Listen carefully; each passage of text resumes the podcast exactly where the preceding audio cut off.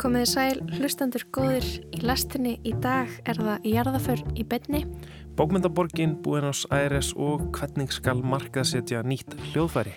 Af öllu sem ég brasa og baukað í þessu, þá er eiginlega langt best að eiga sko vini sem eru hérna forveitnir og gott tónlistafólk og vinnu svo hérna Óskarsvölu. Hún fannst listsköpun ekki eiga félast í því að endur segja lífið og svo þegar honum hefði kannski tekist að skapa eitthvað eða tókst það kannski ekki, brendi hann verkin, allavega flest verkin sín.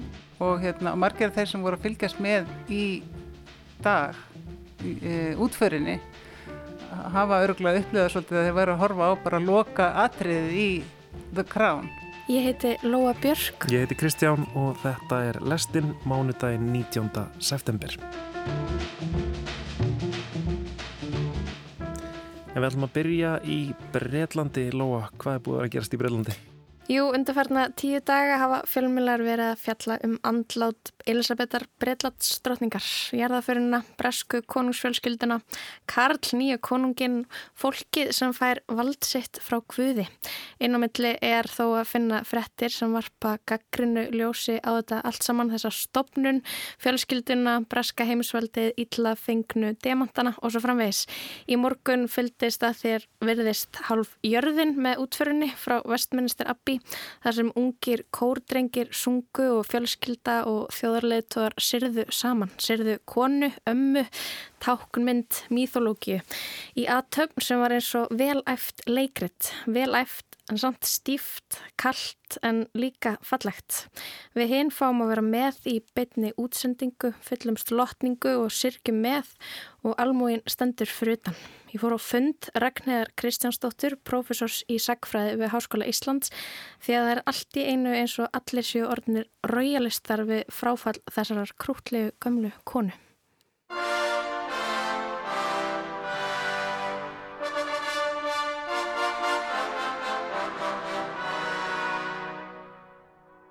Getur við byrjað á því að tala aðeins um það hvernig andlát drottningarinnar kemur þér fyrir sjónir í fjölmjölum? Hverju hefur þú tekið eftir og hvað finnst þér að segja okkur um almenningsáletið? Já, sko, ég held að, að ef við bara byrjum á því að svona hugsa um það hvað við sjáum hérna í fjölmjölum á Íslandi, þá held ég að, að við séum svolítið svona fylgja þeirri línu sem var tekin á BBC og ríkisfjölmjölunum þar þar sem er mjög svona ókrítisk umræða um drottninguna og krúnuna yfir höfuð. Þannig að það sem við fáum hingað er svona þessi mynd af þessari elskuðu drottningu sem hún svo sem var öruglega en, en það er svona það sem að blasi við manni helst þessi svona jákvæða mynd af drottningunni og, og krúnunni yfir höfuð. Mm. Núna bara svona eftir að, eftir að hún fjall frá svona þegar ég var búin að fylgjast aðeins með umræðin á BBC í svona tvo sólarringa þá svona, já, fór ég svona að velta fyrir mig hversu lengi þetta myndi halda áfram þessi ókrítiska umræða um konungsembætti þannig ég fór svona aðeins að, að fylgjast með öðrum miðlum. Það sem ég svona rakst á og fannst mjög áhugavert var voru viðtöl við e, svo kallaða líðveldi sinna í Breitlandi þar að segja fólk sem að bara er á móti konungsembættinu algjörlega óháð þeirri personu sem gegnum það hverju sinni það eru bara mjög margir sem að er þeirra skoðunar, skoðunar í Breitlandi að sé, þetta sé óeðlilegt fyrirbæri, svona erðaveldi. Ég fannst áhugavert að sjá það og þar var þetta líka, svona voru tengslum með það voru einhverja svona evasendur um kannski að, að Karli tækist að, að halda þeim frið um embætti sem Elisabethu tókst að hafa, þannig að þó að það hafi verið margir sem að voru kannski á móti því að svona yfir höfuð að vera með konungdæmi þá, þá eh, var fólk ekkert að hafa hátt um það endilega vegna þess að svona eftir því sem hún eldist sérstaklega og, og líka, já, var svona tók bara sitt pláss á sinn kurtislega hátt sem hún gerði mm. þá hérna fannst fólki kannski ekkit hérna, engin ástæð þess að, að rugga bátnum varandi það hvort það ætti áfram að vera konungdæmi í Breitlandið ekki mm -hmm. en, en það sem að náttúrulega núna blasir við er sko tekst karli að, að, að halda þessum frið um embættið sem að henni tókst að hafa og, og, og það er auðvitað ýmslegt sem bend til þess að það eigi eftir að vera flókið fyrir hann. Mm. Það er ekki líka svolítið svona hvernig við tölum um þau því meira sem við segjum svona er þetta, við viljum hafa þau, hún var elskuð öllum, erum við þá ekki svona staðfest að þann veruleika fyrir okkur? Jú, ég held að hérna, kannski svona séu margir sem að taka þátt í þessar umræðu sem að einhvern veginn vilja einhvern veginn halda í þennan frið um ennbætti þannig að kannski er, er fólk að tala sig inn á þetta sé að hann verði bara mjög góður konungur ég veit ekki hvað ég að segja um það sko ég held að svona, hann sé nú búin að gera ymslegt núna bara þessum fyrstu dögum sem að svona kannski fær maður til þess að aðeins að hugsa hann sýnir auðvitað allt annan karakter út á við heldur en hún gerði strax held ég að, að hérna, maður sé ymslegt sem að ætti svona þess að grafa undan þeirri hugmynd að, að hann verði mjög elskaður mm. í embati, ég veit að, ég, já, það er auðvitað að segja. Everyone at the post office is delighted with the new profile, ma'am, which they feel to be an elegant reflection of Her Majesty's transition from young woman to... Old bat? I have a voice. Let me let you into a secret. No one wants to hear it. Er ekki orðið of seint? Fyrst það er ekki búið að því að einhvern veginn afnema þessa fjölskyldu eða hvað hva, hva sem maður myndi segja, bara Breitland hætti að vera konungsvöldi og þau verður bara vennulegt fólk. Ef það var ekki gerst á 2000-stöldinni, okkur að gerast núna og, og hversuna heldur að þau fái áfram að vera til? Þetta er náttúrulega ekki mjög einfaldar spurningar sem múst að leggja fyrir mig, en sko... Um, Jú, auðvitað er, það er sko þrátt fyrir allt og þó að konungstæmið sé arleið frá tíma sem er lengur lengur horfin, ég minna þetta er svona og maður sér það bara öll, öll þessi sérimóni kringum jarðaföruna, minna þetta er, þú sér hérna hér og herbúningar sem eru hérna mjög ópraktískir og úrönverleir og einhvern veginn bara eins og úr, úr einhverju Uh, já, hvað ég segja svona, já, og einhverju fortíð sem að, hérna, og við skiljum ekkert af hverju þetta þarf að vera svona mikið flúr og svona, þetta er allt, hérna, þetta, þetta, er, þetta er bara sínisotn úr, úr einhverjum hornum heimi í raun og veru þar sem við erum að sjá þó að þetta sé þannig þá uh, er þetta auðvitað inngróið í sjálfsmynd margra breyta að, að svona sé þetta og svona hafi þetta allt saman verið og þarna er eh, kannski erfitt að vinda ofan á þessu mm. og eitt af því sem að gera það líka verkum að það kannski er ekki eins mikil þörf á því og ella er að, að, að uh, drottningin og, og núna konungurinn þau hafa engin völd, þetta er allt saman tákgrænt, þetta er í raun og veru kannski, má segja þetta sé svona eins og eins konar leiksýning allt í kringum þetta mm. sem að þó kannski þjónar einhverjum svona þeim tilgangi að styrkja sjálfsmynd einhverja breyta sem að, sem að, sem að tengja við þetta. God grant to the living grace, to the departed rest, to the church, the king, the commonwealth and all people, peace and concord, and to our sinners, life everlasting. And the blessing of God Almighty, the Father, the Son, and the Holy Spirit be among you and remain with you always. Sko út frá heilagleikanum að þetta sé fólk sem er einhvern veginn, er ég að fara með rántmál, vali af guði eh, til þess að, já þau er einhvern veginn anna milli okkar mannfólksins og guðs, þau eru eitthvað millisti eins og pávin eða eitthvað. Og svona einhvern veginn í dag, eh, hvernig getum við haldið því til streytu ykkur hugmyndum að á Breitlandi búi eitthvað fólk sem er valið að guði og, og, og öllum bara finnast það sjálfsagt? Já, sko, þegar ég held að auðvitað ef við horfum á þetta algjörlega kallt og krítist og, og svona, tökum bara rauk hugsun á þetta þá er þetta kannski gengur þetta alls ekkert upp að hafa ennbætt þessu tægi og ég held að það þurfa ekki að velta vöngum lengi yfir því að hérna, einhver hugmyndum að, að þetta fólk sé í þessum embættum vegna þess að einhver tíman var tekin ákvörðunum það einhver staðar hjá aðri máttavöldum að þetta væri rétt að fólki til þess að verði þessu embætti. Það er þessi tengslmilli guðdómsins, eh, konungsembættisins og, og svo líka er þetta í einhverjum skilningi svona aðsta eh, valda embætti þjóðarinnar. Þannig að ég held að að, að sko þetta, þetta í raun og veru kannski gengur ekki vel upp en ég held að það sé kannski eitt af því sem heldur þessu lifandi að þetta er svona hálfur óraunverulegt embætti og, og hérna og, og þeir sem að er þessu embætti þeir hafa ekki raunverulega vel, það er ekki ætlast til þess að þeir skipti sér á pólitík og ef að þeim tekst eins og Elisabeth tókst held ég ágætlega að, að svona einhvern veginn að halda sig utan við alla pólitíkina mm. þá held ég að breytar um, svona flestir sætti sig alveg við að, að hafa þetta ennbætti uh, þarna ennþá mm. og svo eru þetta margir sem eru bara hrifnir að því, finnst gott að hafa eitthvað svona einhverja hérna, einhver, einhver manneski í þessu, þessu tákræn, þessari tákræni stöðu sem einhvers konar saminningatár. Mm -hmm.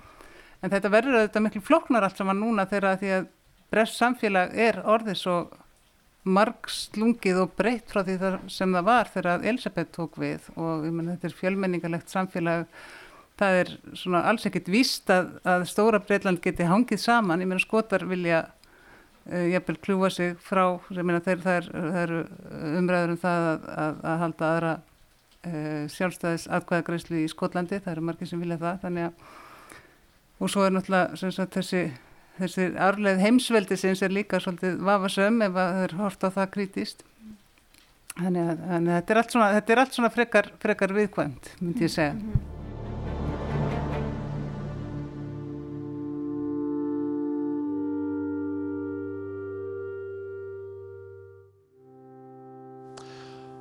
A few moments ago, Buckingham Palace announced the death of Her Majesty Queen Elizabeth II.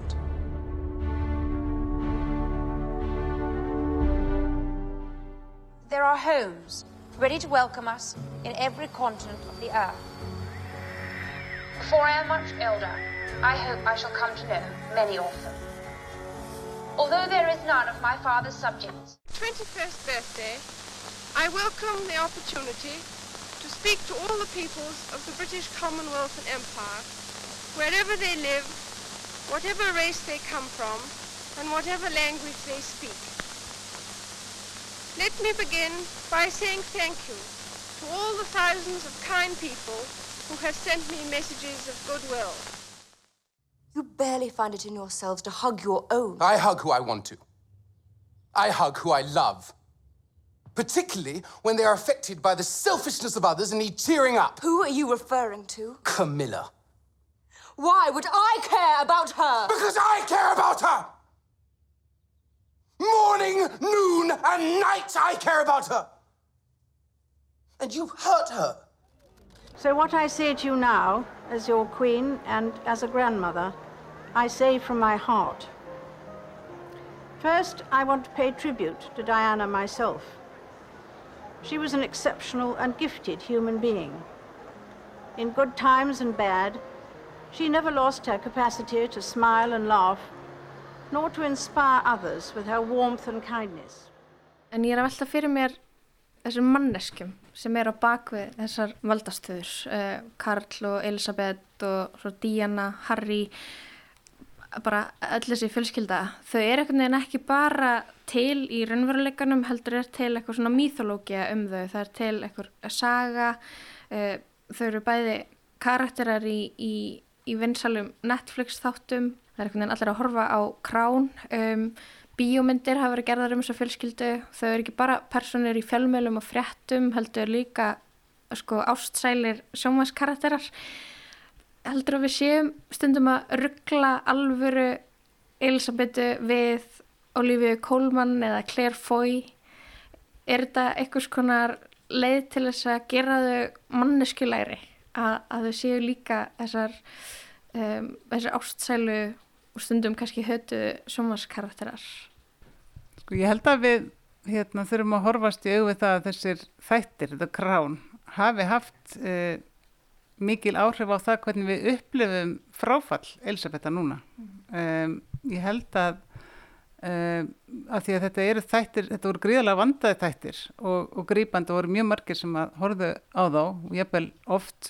Og hérna margir af þeir sem voru að fylgjast með í dag í, e, útförinni hafa örgulega upplifað svolítið að þeir veru að horfa á bara að loka atriðið í The Crown þannig að það, ég held að það sé eitt enn eitt sem að gera það verkum að, að þetta eru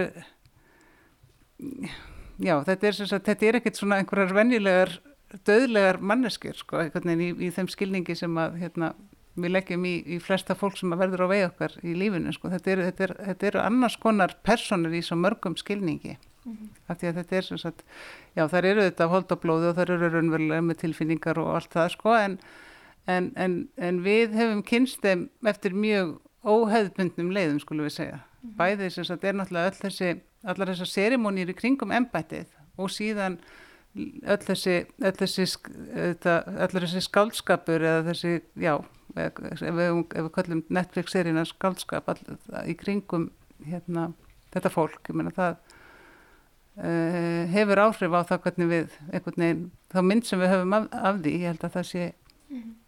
Um, við þurfum að horfast í auðvið það þó að, hérna, við vitum auðvitað að þetta er skaldskapur, þetta er ekki raunveruleiki, það er ekki verið að segja frá atbyrðunum nákvæmlega eins og þau gerðist, þá er, þá er samt búið að setja ákveðna mynd af þessu karakterum í kollina okkur. Já, maður kannski veit það svona intellektuált en maður kannski upplifur það ekki þannig, það fer inn í undirmeðutunduna. En svona ég veldi fyrir mér að, að þau séu orð, orðnar þessar, þessar personur uh, uh, áður fyrr bara mjög svona fjarlægar fíkurur, svona valdafólk bara í sínum kastulum, núna bara inn á heimilum fólks í rauninni.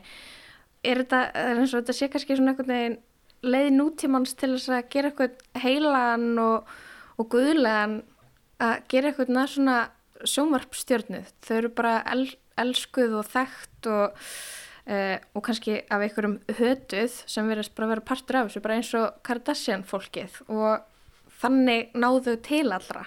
Þó að þetta sé ekki uh, raunverulega fólkið, þó að þetta séu karakterir að leika þau, þá uh, hafa þau eitthvað svona aðgengi að okkur og, og komast kannski í ykkur að smá guðatölu. Já, ég, ég held að það sé alveg hérna, gaglegt að hugsa um uh, þetta fólk, sagt, þetta fólk sem er í þessu, þessum hérna, í konungsfjölgytun núna og er til núna sagt, út frá því hvernig við um, innbyrðum menningu á okkar tímum sem er, er náttúrulega eins og þú segir allt allt öðru seldur en það var kannski á 19. öld þannig að hérna og, og einhvern, á einhvern hátt hefur sagt, uh, konungsfjölskyldan aðlagast þessu og, og lifir af sagt, inn í þessar, þessar, hérna, þessar nýju tíma þar sem er svona já, er, er, er allir þessir miðlar, allar þessar leiði til þess að sjá, sjá myndir af fólki eða koma snála til einhvern veginn og þannig að það er ekki bara það sagt, að, að stjórnkerfið hafi breyst í líðræðis átt frá því á 19. öll þannig að konings, sko, aðli embætsins hefur breyst heldur öll umgjörðin í kringum það mm. og, hérna, og, og það eru til skemmtilega með rannsóknir á því sko, hvernig konungsembættið hefur breyst með þá hlýðsjón af því hvernig fjölmiðlarnir hafa, hafa, hafa þróast og, og eitt af því sem kom mér á óvart þegar ég var einhvern veginn að lesa þetta fyrir nokkrum árum síðan var sem sagt að í raun og veru var eitt sakfræðingur sem held í fram að eftir því sem að sko veldin hefði mingað þeim, hefði, þeim meiri sátt hefði verið um ennbættið. Það var eitt af því einn, einn af punktunum hjá honum mm. og annar punktur sem er líka kannski alltaf lægir rifið upp núna er að allar þessar hefðir innan gæsalappa sem við sjáum, sem sagt, allar þessar sérimónir sem að tengjast útförinni og ýmsu öðru sem varða konungembættið, þetta er ekki eins gamalt og við höldum mm. og til dæmis svona útförir, uh, brúðkaup og fleira á, á 19. öld, þetta var uh, ekki svona slett og felt og ekki svona óumdelt eins og það er núna, þetta er, þetta er svona allt svona hátilegt, vel eft en uh, einhvern tíma las ég grein eftir sakfræðing sem var að skoða hvernig það var á 19. öldin og það, það var ímislegt sem fór úrskeiðis en það var konungurinn sjálfur miklu umdeltari þá að því að þá hafði hann meiri völd heldur en hann er núna mm -hmm. Þannig að þegar völdin minka þá fer leikritið kannski skipta meira máli Já, einmitt mm -hmm. og það er það sem þetta kannski gerða verkum að, að fólk er tilbúið til þess að hafa ennþá þetta fyrirbæri sem e, er samt einhvern veginn svo skrítið og eins og ekki, ekki staðsett rétt í tíma sínum einhvern veginn að hafa sagt, fólk með kórónur og allt þetta. Og bara þetta sjónræna ég meina þetta sjá sem sagt hérna, Westminster Abbey meina, við getum haft alls konar skoðun á því hvað, hérna, hvers konar miskipting auðs liggur á bakvið að byggja svona stóra kirkju og, og allt þetta skröð sem er hann inni en það er eiginlega ekki hægt að líta fram hjá því að þetta er allt saman fallegt og tilkomum mikið og það þarf maður að halda sér maður þarf að vera ansi, ansi harður í afstöðin en maður, maður sér ekki svona fegurðin í þessu á einhverju plani held ég. Mm -hmm. Þetta er einmitt svona, já, þetta er mjög, mjög, mjög vel próduseraður sjónvarsviðbyrður bara eins og sjónvarsþáttur af The Crown eins og það segir, lokaþátturinn af The Crown en það sem er líka svona er erfitt að horfa fram hjá er að meðan að jarðaförun er í gangi þá er myndavelin stöðut að suma inn á, á náttúrulega kistuna það er svona svaka flottur blómundur og svo veldisbrotin og kóruna og þetta er allt skreitt demutum sem þau hafa stólið af fyrrum nýlandu sínum og þannig að veginn þó að það sé þetta hrífast með þá, þá standaðu fyrir stjættaskiptingu og svo þrælahald og, og ofbeldi og, og þjófnað. Já, krúnan er nátengt heimsveldinu og það er svo margt í sögu heimsveldisinn sem að hérna, er, já, hræðilegt skulum bara segja, hreint út og það er, hérna, uh, við meðum ekki gleyma því, við þurfum alltaf að svona að, að horfa á svona atbyrði og þó við leiðum okkur að hrífast með þá meðum við ekki gleyma því hverju við erum að hrífast af og það er að krúnan, breskiherin, heimsveldið, þetta er allt saman nátengt. Ég meina, hva, hvað voru margir hermennin í kirkjunni? Ég veit ekki hvað voru margir en þeir voru ansið margir. Já. Mm -hmm. já, kannski erum við svolítið svona átengd í að hvað hva herrmenn gera þegar við sjáum þau bara í ykkur falleri kirkja aðtöfn kannski er það, já. Og hérna, mér skilst að margar konur á Íslandi hafi sett upp perlefest í dag og það er svona spurning sko hvað já, voru, voru vilja konur gera það á Íslandi? En auðvitað þurfum við bara að hugsa um sko, hvað, hvað erum við að horfa á? Hvað erum við að horfa á? bara mjög margslungi fyrirbæri. Mjög margslungi fyrirbæri. Og sömuleiti mjög órönnverulegt líka mjög raunverulegt í þeirri merkingu að, að þetta ennbætti á rætur í miklu misrétti. Takk hella fyrir spjallið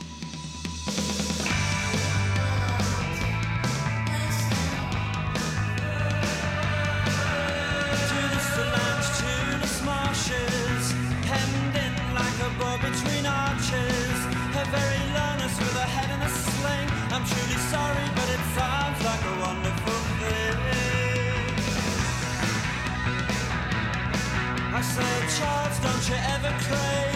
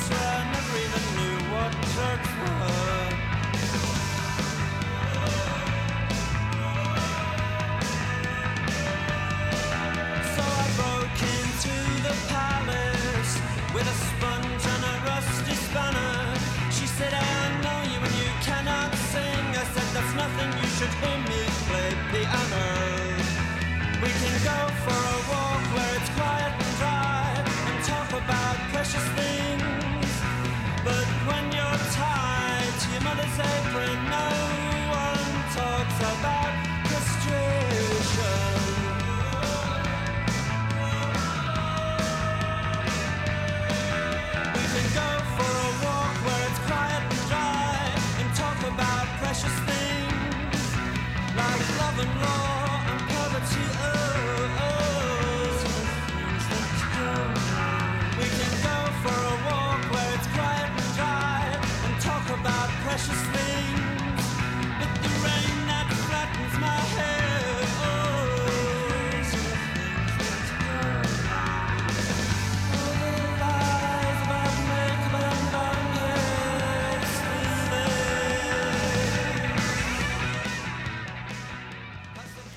Þannig heyrum við lagið The Queen is Dead með The Smiths. Þetta er lag sem ég tók eftir að hefur skotist upp vinsaldalista allavega eins og Spotify undanfarið. Ég held kannski að fólk myndi ekki hlusta á þetta lag þegar drottningin myndi degja. Já, akkur ekki, akkur ekki.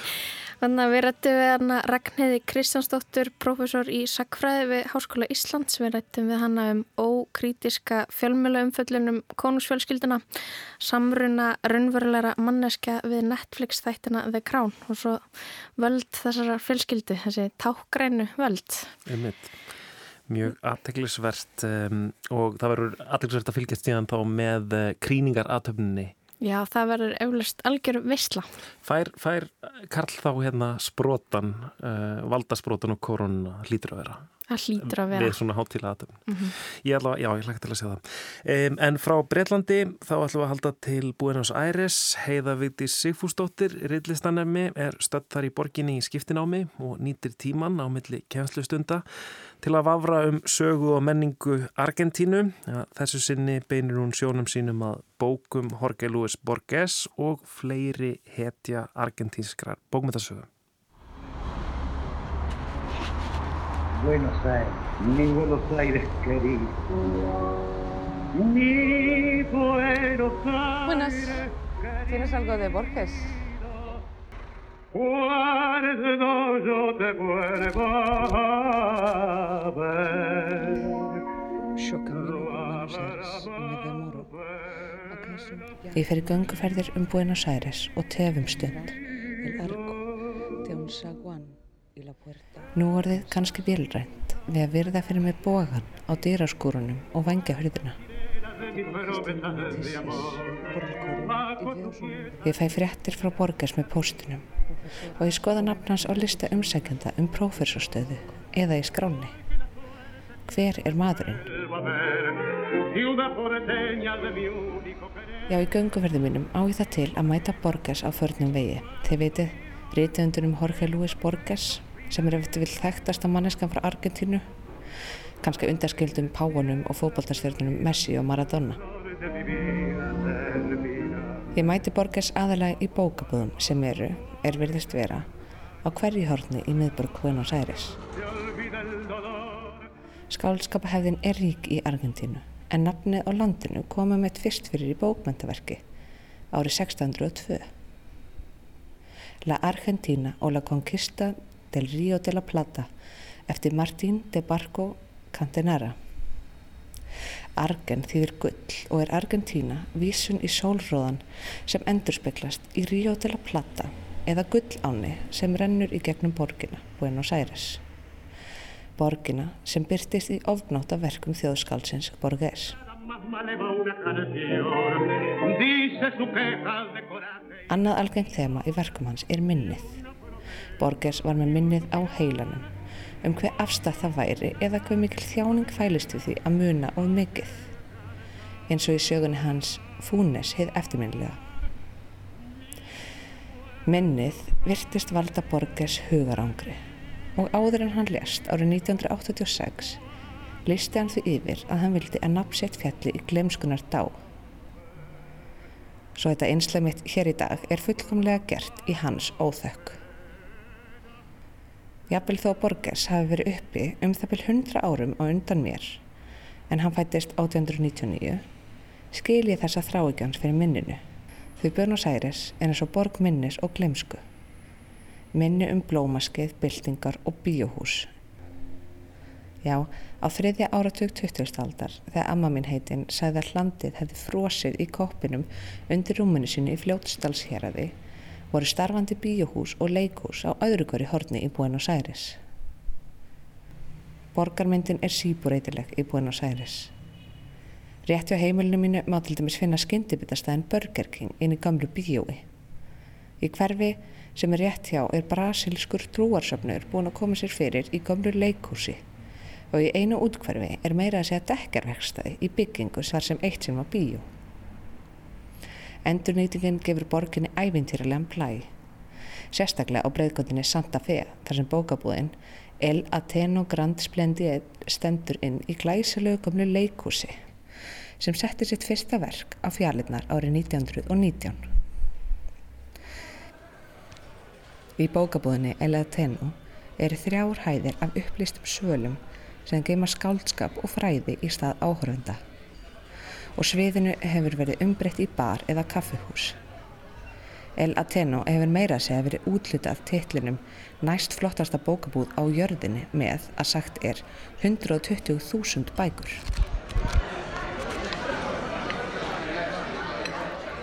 En skálskapahefðin í Argentínu miðast ekki bara við bækur. Þegar Borges var skrifandi frá 3. til 9. áratug 20. aldar gafu hann og félagar hans vægast sagt skýt í bókmyndahefðina það að prenta skáldverk í bók. Þess vegna er til dæmis erfitt að finna skáldverk eftir argentíska rítöfundin, spekingin og lögfræðingin Makedonio Fernández sem var einskoðunar lærifæðir borgarsar. Fernández var, eins og kennari minn í argentískum bókmyndum í háskólinni Buenos Aires lísti svo vel, snar brjálaður, loquissimo. Makedonio Fernández eittir lífisinu í að skapa list og skemma list. Hann skrifiði abstrakt skaldverk þvers og kryss þar sem sumarsetningar pössuðu saman og sumar ekki. Fernandes fyrirleit allt sem ætti flokka sem raunsægi og sagði að skáldskapur ætti að endurspegla það skáldaða en að hlutirk lífsins væri að tólka lífið. Honu fannst listsköpun ekki eiga felast í því að endur segja lífið og svo þegar honum hefði kannski tekist að skapa eitthvað eða tókst það kannski ekki brendi hann verkin, allavega flest verkin sín. Þess vegna er vitaskuld erfitt að meta hver vel honum tókst til. En það var líklega ætlunverk hans. Samkvæmt Fernandes var virði skálskaparins ekki falið því að vera samþygt að forlægi til byrtingar í hefðbundinu bók. Því stofnuð þeir félagarnir Borges Fernandes og Ricardo Giraldes tímaritið Proa árið 1922. Þar deildu höfundanir skálskapnum sínum, prósum og ljóðum, já hvað sem þeim dætt í hug, aðalega í stuttum textum. Dæmi um þekta höfunda sem átti verk í tímaritinu er meksikoska liðskaldið Octavio Paz, kólimbíski höfundurinn Gabriel García Márquez og hinn peruski Mario Vargas Llosa. Og þegar Borges hafi byrt nóg mörgljóð eða örsögur eða smásögur sem pössuði í bók leta hann gefa hann út. Tímariti prófa var heldur skamlift, en Borges hjælt áfram að byrta verkin sín í hennum ymsi tímaritum og Fernandes hjælt áfram að brenna sín verk. Allt sitt skálskaparlíf var Fernandes staðröðin í því að skapa eitthvað alveg nýtt, en Borges var sannfærir um að það væri ekkert nýtt undir sólinni. Bókmyndir væri bara endurtekning af því sem þegar hafði verið skrifað. Borges starfaði lengi vel á einu af fjölmörgu bókasafnum borgarinnar og þar satt hann og las og las og las. Stál síðan óheirilega mikið af hugmyndum annara skálda sem hann færði í nýjan búning. Svo satt hann örgla bara og beigð og beigð, lést og býður enn eftir því að gleymast til þess að einhver bókaormur rambi inn á verkin hans og gleiði hugmyndunum nýju lífi.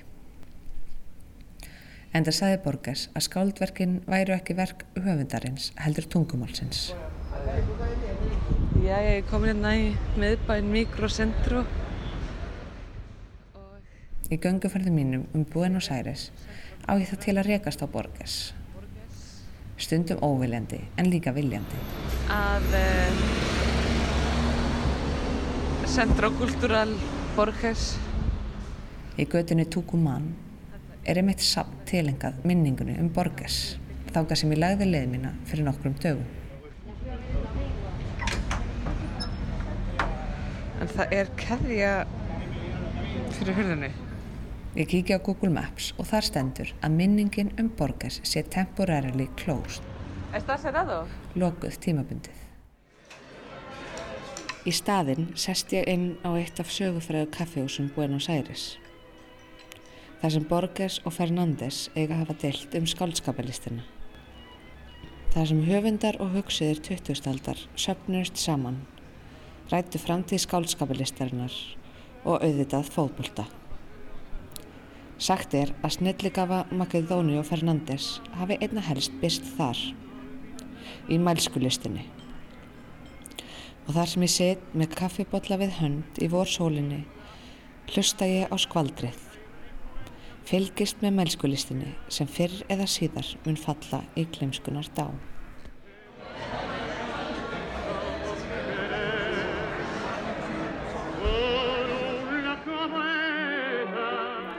Í upphafi einslagsins vitnaði ég í texta úr sögni Borges og ég úr bókinni hans Suðrið í þýðingu Guðbergs Bergsonar. Fyrir þá sem eru forvitnari er hægt að glukka í aðra smásu eftir Borges og fleiri höfunda frá heimslutunum Í bókinni Smásögur heimsins Rómanska Amerika er eitt sjálf Kristínar Guðrunar Jónsdóttur, Rúnas Helga Vignessonar og Jóns Karls Helgasonar.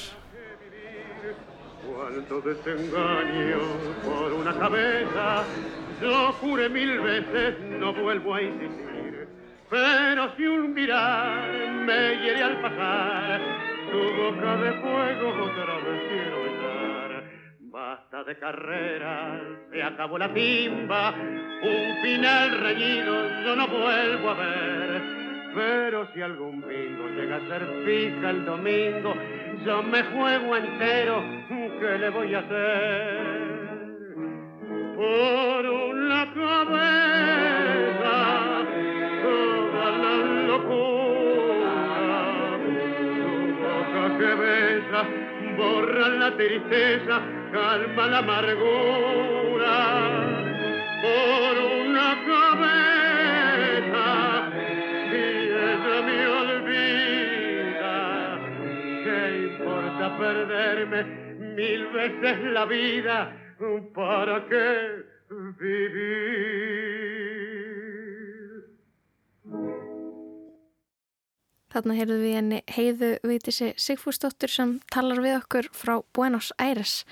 En þá að allt öðru við ætlum að ringja til aðinu.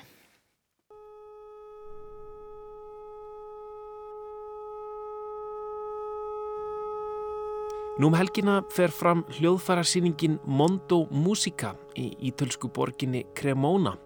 En borgin er einhver svo mikilvægasta í sögu vestrætna tónlistar, eða minnstakosti eins og mikilvægasta í sögu vestrætna hljóðfæra smíða. Hljóðfæra smiðir borgarinnar á miðöldum og nýjöld voru heimsþektir og enn þann dag í dag þekkjum við nöfn þeirra enda dýrustu hljóðfæra merkin kend við þá, Stradivari, Guarneri og svo framvegis. En á síningunni um helgina verða ekki bara síkild hljóðfæri til sínis, heldur einnig brakandi, fersk og nýstárleg. Eitt þeirra hljóðfæra sem verður sínt á sérstökum bás á landamærum gítar og fiðlusmiða er Dóró Fótnin, hljóðfæri hannað af Haldóri Úlfarsinni sem hefur á undanförnum 15 árum náð æmeiri frægð og útbreðslu. Elektroakustískur Cello Cyborg þar sem munnið er meðvitað með enduróm, feedback af hverjum streng sem svo er hægt að stýra til að skapa drónandi hljóðheim. Þannig er hljóðfærið sem að Haldur hefur sjálfur sagt að hafi verið upprunnulega hannað sem hálgjörður brandari komið inn á síningu í vöggu vestrætna hljóðfæra smíða. Mér legg forveitni á að vita hvernig glænýtt hljóðfæri nær útbreðslu í menningunni, nær útbreðslu í tónlistarlífinu, nær alla leið til Cremona. Ég ákvaða að ringja í mannin á bakvið Dórofónin. Ég heiti Haldur Úlfarsson, oft kallaður Dóri Dórofón af því að ég fann upp og, og vinn í Dórofónunum, hljóðfærinu mínu. Ég er sérst stattur í vinnustofunum minni hérna í Aþenum þessa stundina og er að klára þetta hljóðfæri sem við höfum verið að tala um sem er að fara til Cremona á morgun. Er, er þetta skrúgra skrúur eða hva, hvað svona, hvernig leggum maður að loka hönd á hljóðfæri? Ef maður fær náttúrulega tvö-þrjú taugaföðl, svo hérna hleypum maður í legubíl í morgun til vinna síns sem að hérna, hannar elektrónikina með mér og, og fyrir mig ef ég er alveg heiðalegur og hérna lagfæri hlutu sem að hættu að virka í gerðkvöldi og svo akkurat núna er ég mitt að hérna skrúa skrúur og, og uh, setja nappa á sinn stað og svona dusta rikið af og svona og bara allt í góðum farvegi. Upprunarsaga Dórofónsins er orðin nokkuð laung. Hann var fyrst til í myndlistarsamhengi þar sem Haldur var í námi í Finnlandi. Árið 2007 sýnir hann til að mynda Dórofón nr. 5 í myndlistaríminu Galleri Dverg og myndlistagagrindi Morgunblasins krítiserar síninguna sem slíka. Þetta má finna á tímarit.is. 2008 útskrifast Halldór svo úr námi í einhverju sem gæti kallast yðn list í listháskólanum Tæg í Helsingi. Það sem útskriftaverkefnið er Dórofón. Það eimar alveg ennþá af þeirri nálgun sem að er þá svona kannski uh, nærði að vera frásagnarlist en, en hérna hönnun sko. Og þetta kannski verður fyrst hönnunaverkefni þegar að ég svona tek eftir því að fólk sem að ég hef verið að hérna Uh, kynna fyrir hljóðfærinu í upphafi sko fyrir að taka það alvarlega. Þá fyrir kannski meira að hugsa eins og hönnuður og, og hérna skelli þessum master í hönnun ofan á sko myndlistarmasterinn sem ég var að klára í Helsingi á þeim tíma. En uppruna var þetta svona, ég áttaði máði að hérna, ja, í fyrsta lagi þá fann ég eitthvað, þar að segja strengja feedback er fyrirbærið sem er til grunns hljóðfærinu og það verðist alveg svona vera til innistæða fyrir því að eitt strengja hljóðfæri sé alfarðið til að vinna með feedback á strengi. Það er nú kunnulegt fyrirbæri og mörgum nýtilegt að, að það bara meika sens, maður sér það núna svona eftir á. En upprunlega var ég svona kannski sko fyrst og fremst með áhuga á því hvað fólk sko lifnar við þegar maður splæsti saman uh, hugmyndinni um uh, nýtt hljóðfæri, það er að segja uppfinningu og hljóðfæri sem að talar inn í þennan klassíska heim sem að svona e, hjúfra sig upp að sko eins og barokk strengja hljóðfærunum og svona þykist vera alvöru sko. Og það er nægilega mikil einhvers konar stöðu orka af sko menningarkapitali í þeim heimi að fólk svona bara af frásögninni á þess að veita í rauninni sko gripnum sjálfum neina aðtekli strax þá svona verður til ofbosla mikill áhugi og svona það er aktiverandi og svona þess að ég komin upp um þetta leindamálið mitt að þá var þetta fyrst bara svona eins og leikmunur sko. Já.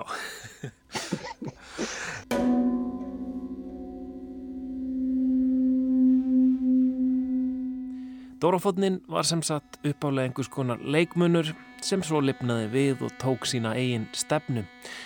En það er eitt að láta sér detta í hug og hanna nýtt hljóðfæri en svo er annað að gera fólk meðvitað um það, koma því á markað koma því í nótkunn hjá tónlistarfólki sem hlýtur ju að vera markmið allra hljóðfæra hönnuða.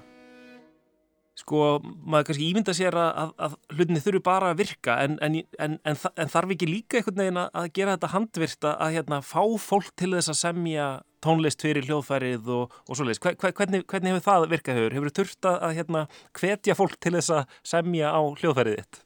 Hvetja, kúa, ljúa, narra. Jú, en það er leikurinn sem ég er að leika. Sko, 99,99% hljóðfæra, nýra hljóðfæra í dag eru stafræn. Eru annarkort gefin eða seld nýður halanleg, auðdeilanleg. Eh, það að sko veita þessum kannski fornfálega heimi akústískra eða í þessu tilvíki raf akústískra hljóðfæra aðtegli og, og vinna inn í hann þá stígum maður inn í svo þungar margar vélar sko. og Já.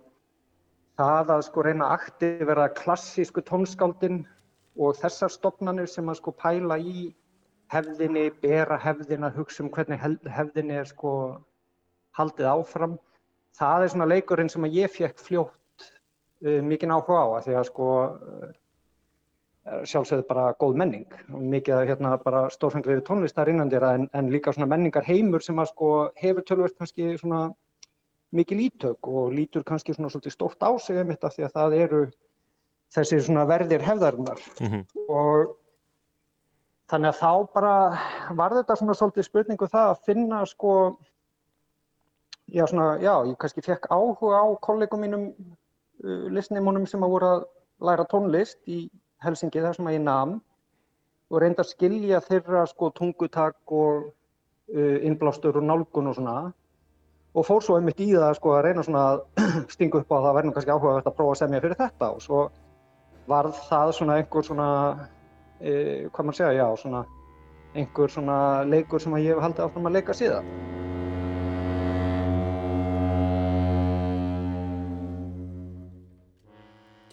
Og þetta hefur gengið ágætlega. Í kistunni hérna á Rúf finn ég meðal annars tónleika í listasafni Íslands frá árinu 2011 þar sem að fjögur tónskáld semja fyrir Dórofón.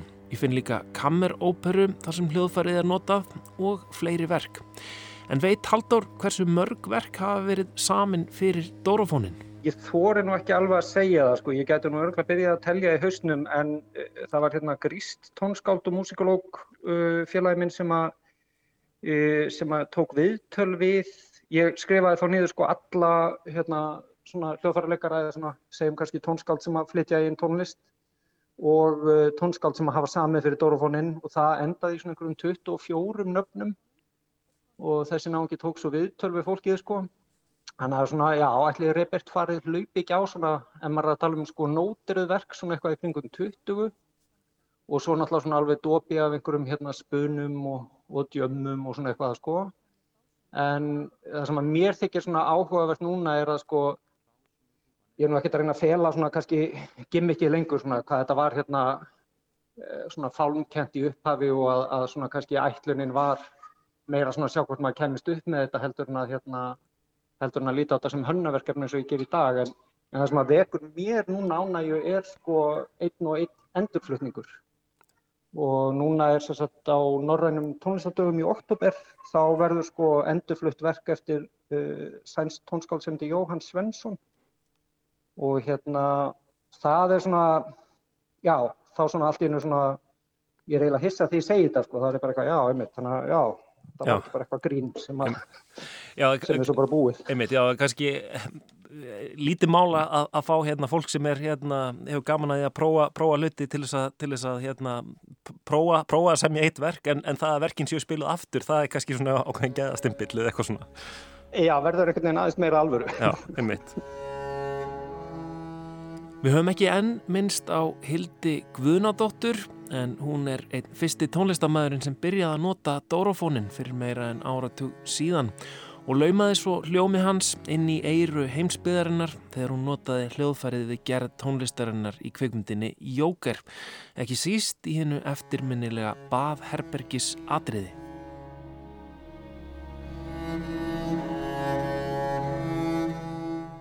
af öllu sem ég hef brasað og baukað í þessu, hérna alls konar hönnatilraunir og, og, og eitt og annað, þá er eiginlega langt best að eiga sko vini sem eru hérna forvitnir og gott tónlistafólk og vinnur svo hérna Óskarsvölu. Já. Það hefur alveg ge- gefið sér bara svona tölvert, tölvert vel. Já.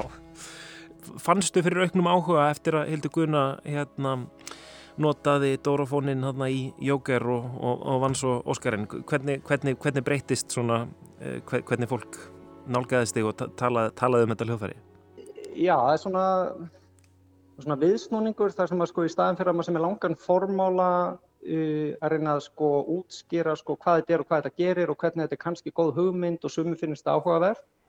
Þá byrjar maður að tala og maður sér að fólk er eiginlega strax byrjað bara svona að kinka kolli og, og er sko búið að gefa sér þetta sé bara raunverulegt og meikir rosa mikið sens og hérna og auðvita, auðvita Já. Og það var svo sérkennilegu viðsnúningur og þá í raunin skildi ég þetta hvað sko einhvers konar svona þekking á almannafæri uh, eða svona viðburður býr til svona uh, já, mjög skýra hugmynd eða staðfestir hugmynd sem þá bara gefin veruleika. Já. Það finnst mér raunverulega, raunverulega Hver er svona einhvern veginn draumurinn fyrir hljóðfærasmið sem er að smíða eitthvað svona, þú veist, heldur að þetta eigi mögulega að verða eitthvað meira heldur en eitthvað svona hérna leikfang fyrir sellonörda, þú veist, mun hérna litla frænka mín geta farið og lært á þetta í tónlistaskóla Reykjavíkur eða, eða hva, hvernig svona sér þetta fyrir þér? Já, hérna, einmitt, þetta er allt mjög góða spurningar sko. Ég hérna, svona þegar að, ef að það er einhvern veginn tungutak listarinnar að búa sér til einhver viðföng eða svona skilgreina sko markmið sín svona með efniviðin fyrir framann sig og, og eitthvað slíkt að þá svona á einhverjum tímabúndi þá svona settist ég niður og, og reynda átta mig á því hvað væru áhugaverð markmið fyrir verkefni af þessum toga. Og sem var alls ekki augljóst fyrir mér. Ég er ekki tónlistamentaður og, og tónlist það nú alltaf bara svona, þú veist, eitthvað sem að vinni mínu gera, sko. Og e, þetta sem að þú veltir upp, þú veist, hvað er alvöru hljóðfæri? Það er hljóðfæri með repertoar, það er með kennara, meistara, nefendur. E, það er kannski minnstur sem að tilheyrir svona, já, ég verð ekki segja á ennsku, þessu cultural commons okkar. E, þar að segja að það er hljóðfæri eins og við þekkjum það eins og arkitypísk hljóðfæri, piano, gítar, cello og svo framvegis. Og þannig að þessi listi getur orðið langur og, og það er svona kannski margt áhugavert á honum þegar maður sko horfir á hann svona meðvituðum augum að, að vilja í rauninni eins og búa til sko nýja dýrategund af hljóðfærum eða þannig. Já. Eitthvað sem að fjölga sér og finnur sér sinn, hérna, sína eigin leið í lífinu. Og Já, það er svona, ég svolítið hugsað um þetta sko að þegar fólk, annað fólk en ég fyrir að smíða dórufóna, þá er þetta líklega komið.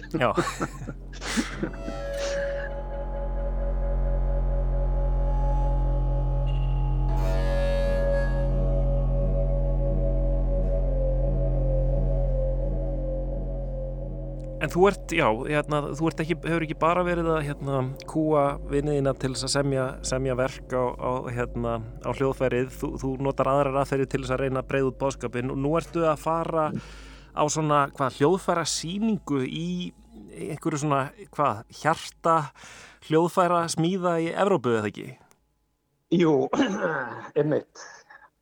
Já, þessi listi sem ég myndist á aðan, uh, ef að sko maður vill að vel gangi þá má kannski hérna bera sig saman við sellóið og sellóið hefur verið tildurlega stöðugt í um 300 ár eftir því að hérna eftir að meistararnir í Cremona, uh, Stradivari og Gerneri og Amati og þessi gaurar bara fundu út úr hérna hljómnum og, og hönnunni og, og síðan bara hefur þetta verið nokkuð hérna nokkuð stöðugt. Uh, þetta er nú allt byggt á, á samtölum við hérna uh, félagaminnan uh, Hans Fylusmið en þannig að það er hérna hljóðfæra síning núna í Kremona um næstu helgi. Og uh, þetta er nú bara svona eins og kannski sölusýning eða þannig svona einhver fagsýning. En það er sko alveg ein lína á þessum lista sem er einhvern veginn að fara með Dórafónum til Kremona til þess að hérna vera þarna í þessari hérna uppsprettu menningar fyrir hljóðfæri af þessum toga. Ég veit ekki, kannski, kannski gerist eitthvað. Kremona, já, það, það, það er einhvern veginn, það, það er borgarn á Ítalíu þar sem að, þar sem að já, þessi mörg, mörg, mörg strengja hljóðfærarna sem við þekkjum í dag einhvern veginn verða bara til þarna eða hvað? Eru hönnuð þarna uppröndlega eða hvað? E, já, sko, eins og hérna hans segir söguna að e, þá var þarna svona brottur af þróunarvinnu sem að gerist á 17. öld þar sem að sko það gerist svona ákveðin svona hérna homogenisering á hljóðfærum sem er nú örgulega bara vegna þess að prentpressan hérna gerir líka kleift að sko prenta nótur og dreifa um alla Evrópu og í kjálfarið kemur þá stöðlun hljómsveita til að flytja tónlist og uh, hljóðfærin sjálf staðlast þá mjög líklega í kjálfarið á þessum breytingum. Mm -hmm. Og þessir meistarar sem við þekkjum nöfnin á í dag að þeir unnu þarna hlið við hlið, uh, ekki allar á sama aldri líklega en svona yfir eitthvað tímabil sem kannski telur einhver 50-60 ári við mandar ég. Og hljóðfærin hafa mjög lítið breyst síðan þá. Já. Og þannig að kremuna er svona raunverulega, uh, hvað maður segja, svona staðurinn þar sem að barokk strengja hljóðfærin urðu það sem þau er í dag og, hérna, og eru fyrir vikið, e, já, svona kannski hérna svolítið svona e, menningarlega mikilvæg uppspretta í þessum skilningi.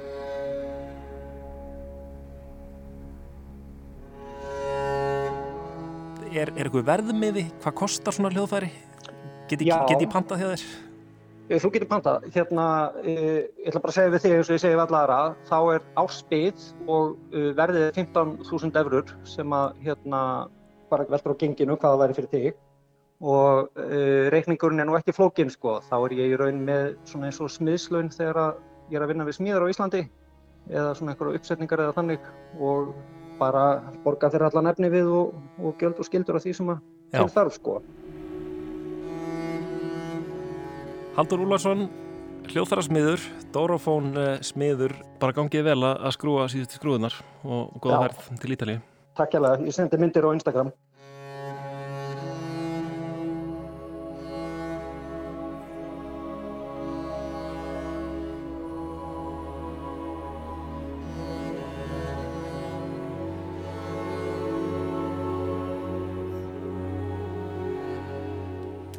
Nokkri tónar eftir Hildi Guðnadóttur úr kveikmyndinni Jóker, þetta er Bathroom Dance sem að er samið og spilað á Dorofón.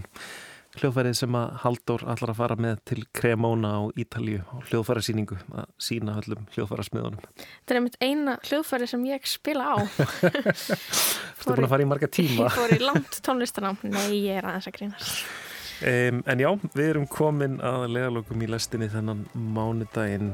Um, vermið aftur á sama tíma á morgun og hvernig sem er í hlaðarsveitum og spilar að rúf Við Kristján og Lóa þökkum kærlega fyrir samfélgin í dag og þökkum Lítiu Gretarsdóttur sem sá um hljóð. Verðið sæl